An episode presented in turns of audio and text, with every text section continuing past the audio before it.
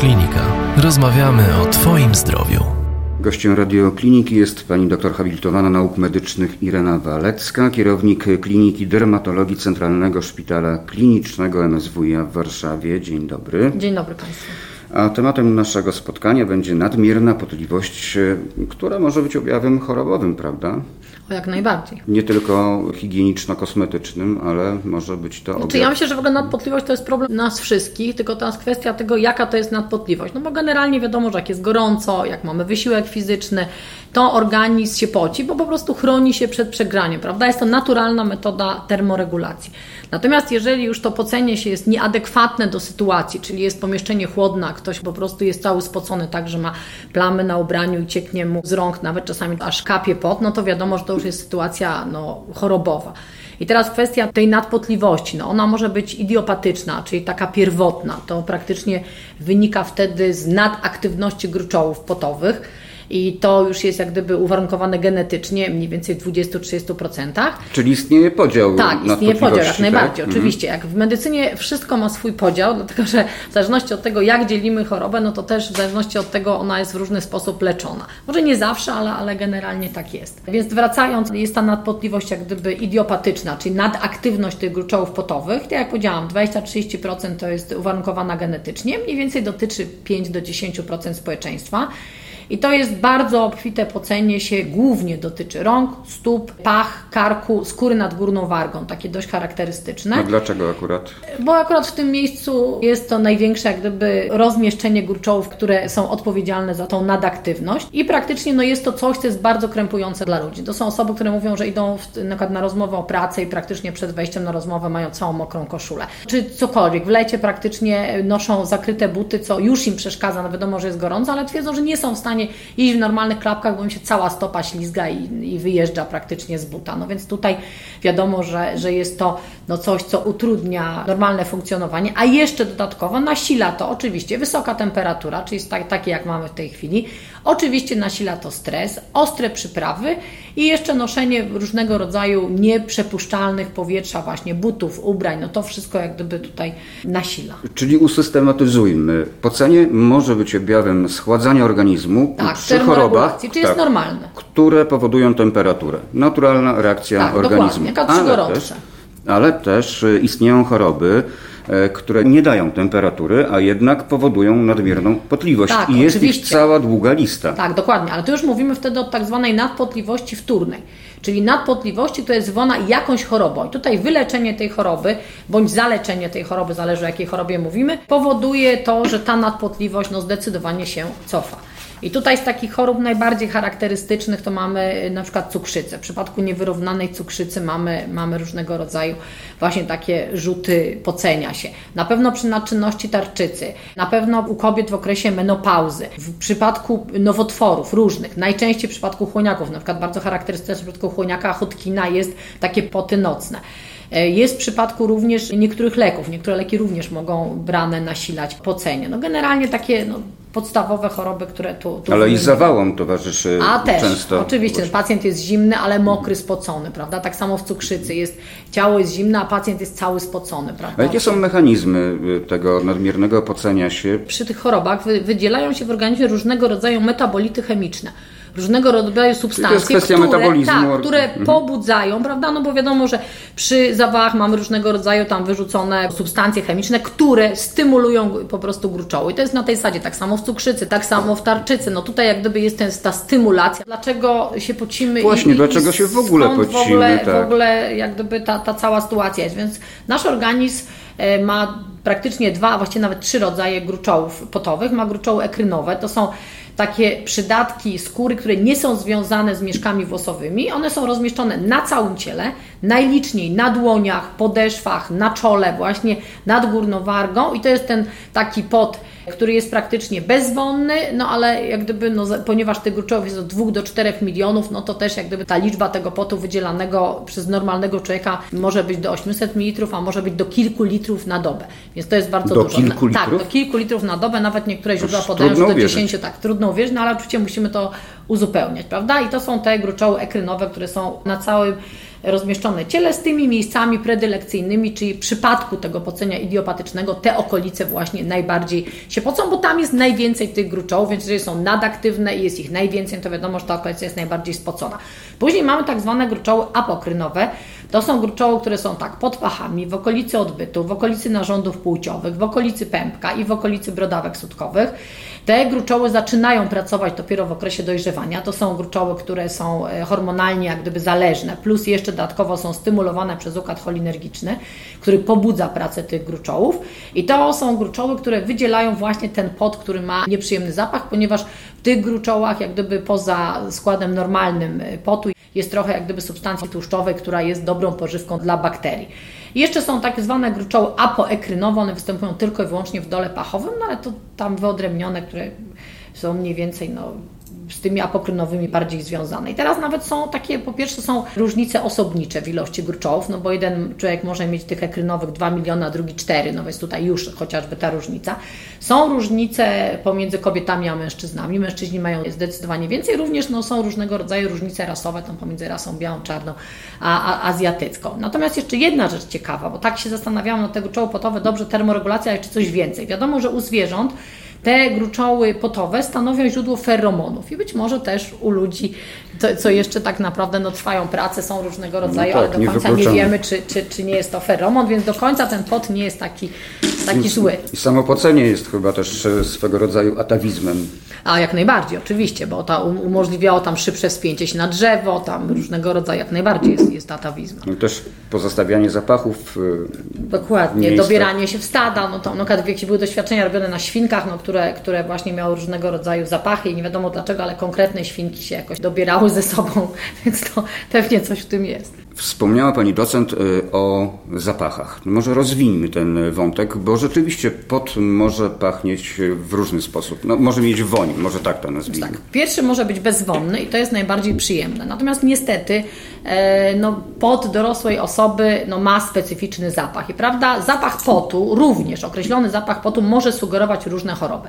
I na przykład zapach potu może mieć taki, przypominać zapach acetonu, może przypominać zapach zgniłych owoców, może przypominać zapach octu, zapach moczu, y, piwa, świeżego chleba, no najróżniejsze zapachy i no w tej chwili już mniej więcej jesteśmy w stanie no kilka chorób gdzieś sprecyzować, że, że ten zapach jest dość charakterystyczny. Na może przykład, być to wskazówka, ale tak, nie może jest być to, to wskazówka, na co hmm? ta osoba jest chora, ale czasami przyjeżdża pacjent nieprzytomny na izbę przyjęć i może go właśnie zapach z ust uratować, bo czasami pacjenci w ciężkiej ketozie, czyli w ciężkim przełomie cukrzycowym, gdzie mają bardzo wysokie cukry, mają utratę czasową świadomości. Taki pacjent przyjeżdża i od razu widać, że ma zapach acetonu z ust. To już wiadomo, że jest to zapach, który powodują ciała ketonowe, czyli kwas acetooctowy, kwas tam beta-hydroksymasłowy oraz aceton i stąd jest właśnie ten nieprzyjemny zapach z ust. No, w przypadku cukrzycy właśnie te ciała ketonowe są we krwi i dają taki zapach i to może tak naprawdę uratować tego pacjenta. Może być zapach taki moczu amoniaku. To jest taki charakterystyczny zapach mocznicowy, to się nazywa fetor mocznicowy i to jest zapach, który może wskazywać na niewydolność nerek. I tutaj w tym przypadku jeszcze dodatkowo u takich pacjentów wiadomo, że mamy zmianę też ilości wydzielanego moczu, prawda? Możemy mieć skąpą mocz, czyli mało moczu, albo na przykład możemy mieć na początku wielomocz, więc jak gdyby jeżeli te dwie cechy zestawimy, czyli ten zapach plus dodatkowo te problemy, no plus oczywiście jeszcze inne dolegliwości, suchość skóry, ziemiste zabarwienie, no wszystko to, co towarzyszy przewlekłym chorobom. Mamy również tak zwany mysi zapach potu, taki bardzo charakterystyczny, jak ktoś kiedyś poczuł, jak mysz pachnie, to jest to tak charakterystyczny zapach, że raz w życiu wystarczy powąchać i już tego zapachu się nie zapomina. Tak, to jest dokładnie, panie doktorze, przy fenyloketonurii, choroby uwarunkowanej genetycznie, to jest choroba metaboliczna. I tutaj mamy gromadzenie się fenyloalaniny, no, która właśnie doprowadza do dysfunkcji wielu narządów, no między innymi tam mamy jasną karnację skóry, białe włosy, no tam różnego rodzaju wymioty, wysypki, ale to jak gdyby nie jest, nie jest tematem dzisiejszej rozmowy, natomiast właśnie ci pacjenci mają ten mysi zapach potu. No i później jeszcze są różne kwalifikacje. No, niektórzy podają, że na przykład mamy zapach potu świeżej wątróbki, co może świadczyć o przewlekłych chorobach wątroby, prawda? O nieświeżego piwa, który może wskazywać na gruźlicę, e, zapach świeżego chleba, który jest charakterystyczny e, według e, no, mieszkańców Afryki, Azji Południowej dla choroby zwanej durem brzusznym. No to no mniej więcej tego typu, plus jeszcze, o jeszcze jeden mi się przypomniał, zapach surowego mięsa, który na przykład część pacjentów właśnie też z różnego rodzaju no, tej krajów afrykańskich uważa, że to jest związane z żółtą febrą. Więc ja myślę, że, no to, ale to już takie bardziej lokalne, prawda? Natomiast być może faktycznie, jeżeli ktoś często się styka z żółtą febrą, no to ten zapach jest charakterystyczny. Ja, ja nigdy jak gdyby takiego, takiego pacjenta nie miałam z żółtą febrą, więc ani z durem brzusznym, więc nie umiem powiedzieć. Przyjmowanie niektórych leków może też powodować swoisty zapach e, oczywiście. potu, e, chociażby witaminy, tak, ogóle witamin z grupy B. Jak najbardziej. I witaminy, i gryzofulwina na przykład. Są leki, które mają dość charakterystyczne. Antybiotyki nierzadko. Antybiotyki nierzadko, ale jeszcze jedna rzecz, zwykłe jedzenie. No zwyczajny czosnek, który jemy w potrawach, prawda, w pocie czuć go, cebulę w dużej ilości, więc jak gdyby to również dieta dieta. Wystarczy, przepraszam, że pacjent następnego dnia jest na kacu, no poprzedniego dnia dużo wypił, to też ten zapach potu jest trochę inny niż normalnie, prawda? No to no myślę, tak, że to... większość osób z autopsji wie, jak już nie tylko się czuje następnego dnia na kacu, ale też jaki, jaki zapach wydziela. Więc ja myślę, że wszystko to, co jemy, no to gdzieś tam, no plus jeszcze dodatkowo, yy, prawda, przypadku, jeżeli mamy rozwinięcie się, jeżeli mamy pacjenta, który się mocno poci, na przykład jest nadkażenie drożdżami, prawda, no to tutaj tak samo jednym z objawów jest na pewno brzydki zapach, no bo ta infekcja taka wyprzeniowa, droż, drożdżycowa też, też jak gdyby daje no, specyficzny zapach, więc u, u pacjenci otyli, prawda, też mają taki charakterystyczny zapach, właśnie związany z różnego rodzaju tam nadkażeniami, więc ja myślę, że ten zapach to jest coś, co, co towarzyszy nam wszędzie, no ale w przypadku mocno nasilonych chorób, bo wiadomo, że przy cukrzycy wyrównanej nie ma żadnego zapachu. Natomiast to, o czym mówiliśmy, to jest trochę ekstremum. To są mocne, przewlekłe choroby o takim no już tak powiem, czasami nawet takim stadium no, krańcowym. Ale wróćmy do nadpotliwości, czyli hiperhydrozy, bo też taka... Tak, dokładnie tak się to nazywa. Tak, taka nazwa też obowiązuje.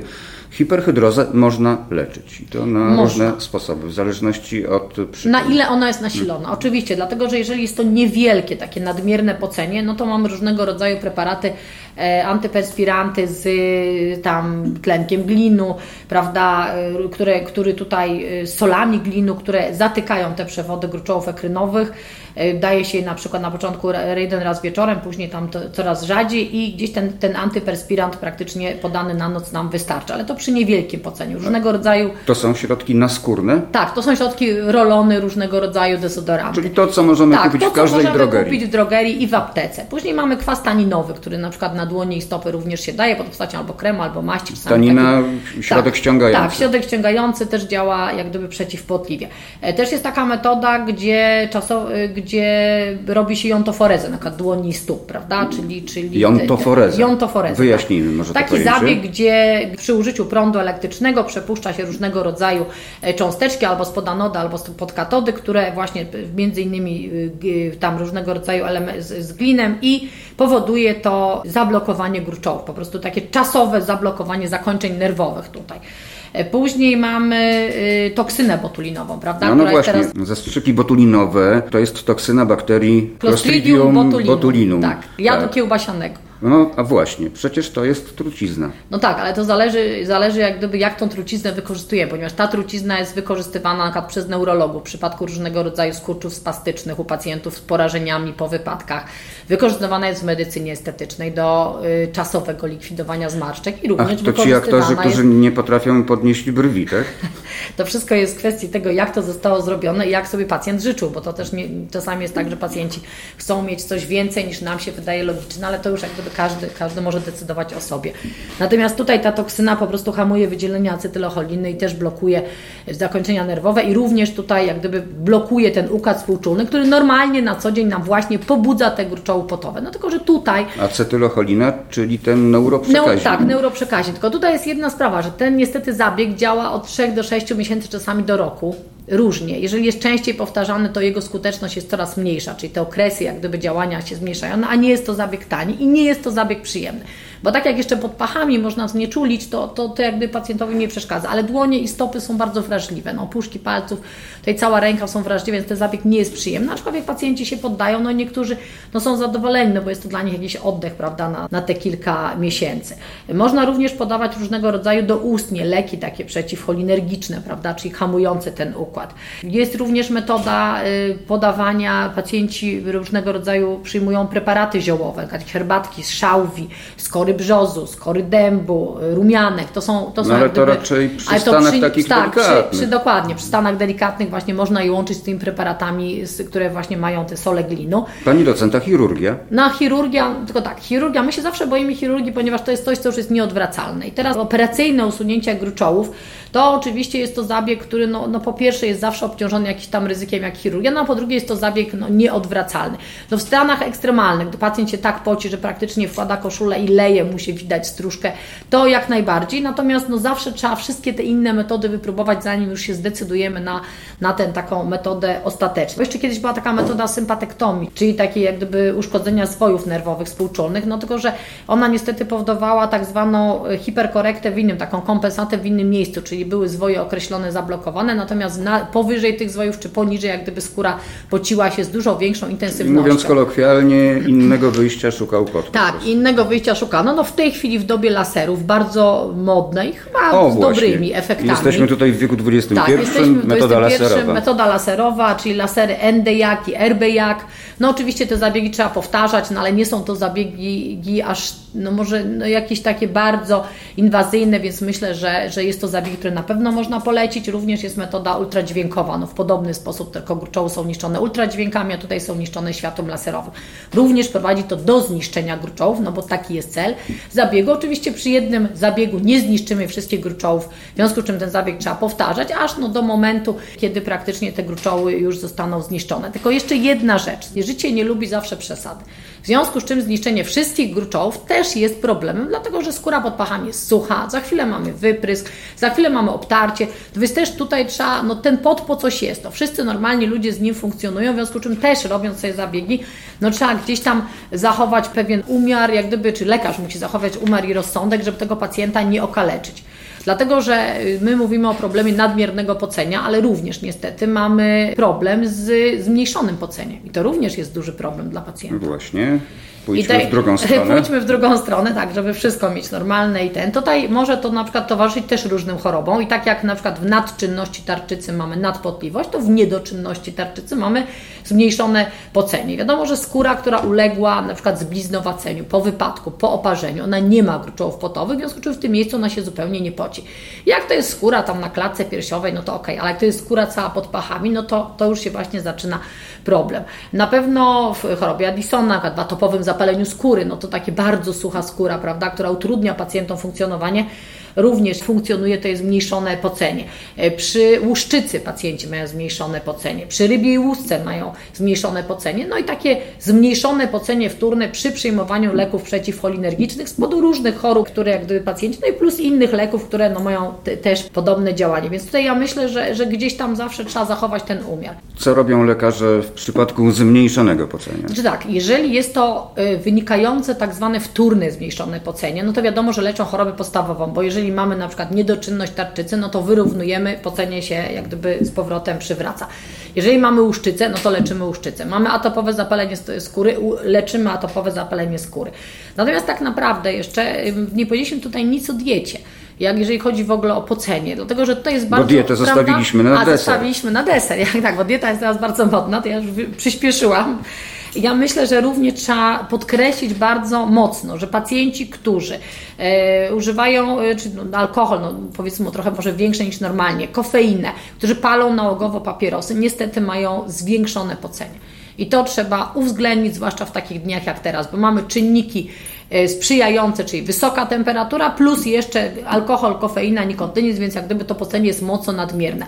I wielokrotnie przychodzą do nas pacjenci, do nas dermatologów, którzy mówią, że mają zdecydowanie nadmierne pocenie, ale to jest takie pozorne nadmierne pocenie, bo jeżeli takiego, taki pacjentowi się zaleci prysznic 5 razy dziennie, zaleci się przewiewne ubrania, przewiewne buty, odstawienie tych używek, no na tyle co można. Ja nie mówię, że od razu pacjent palący 40 papierosów nie palił żadnego, bo to jest niemożliwe i to nawet jest szokujące dla organizmu, to też trzeba rozsądnie, ale w każdym razie nawet to ustawienie diety i ustawienie pewnego trybu życia i pielęgnacji już powoduje to, że to praktycznie bardzo fajnie się zmniejsza to pocenie i jak gdyby no nie jest to żadna choroba, tylko jest to no, tak naprawdę wystymulowane przez samego pacjenta. o nadmiernej potliwości. Rozmawiałem z panią doktor habilitowaną nauk medycznych Ireną Walecką, kierownikiem Kliniki Dermatologii Centralnego Szpitala Klinicznego MSWiA w Warszawie. Bardzo dziękuję. Dziękuję bardzo i życzę wszystkim Państwu, żebyście w takie gorące dni, gdzie mamy dużą nadpotliwość, mogli je spędzić nad wodą, a nie tak jak ja niestety w klinice i w gorącu. Ale przynajmniej w miejscu klimatyzowanym. Tak. Dziękuję, Dziękuję bardzo. Więcej audycji na stronie radioklinika.pl i w naszej aplikacji mobilnej.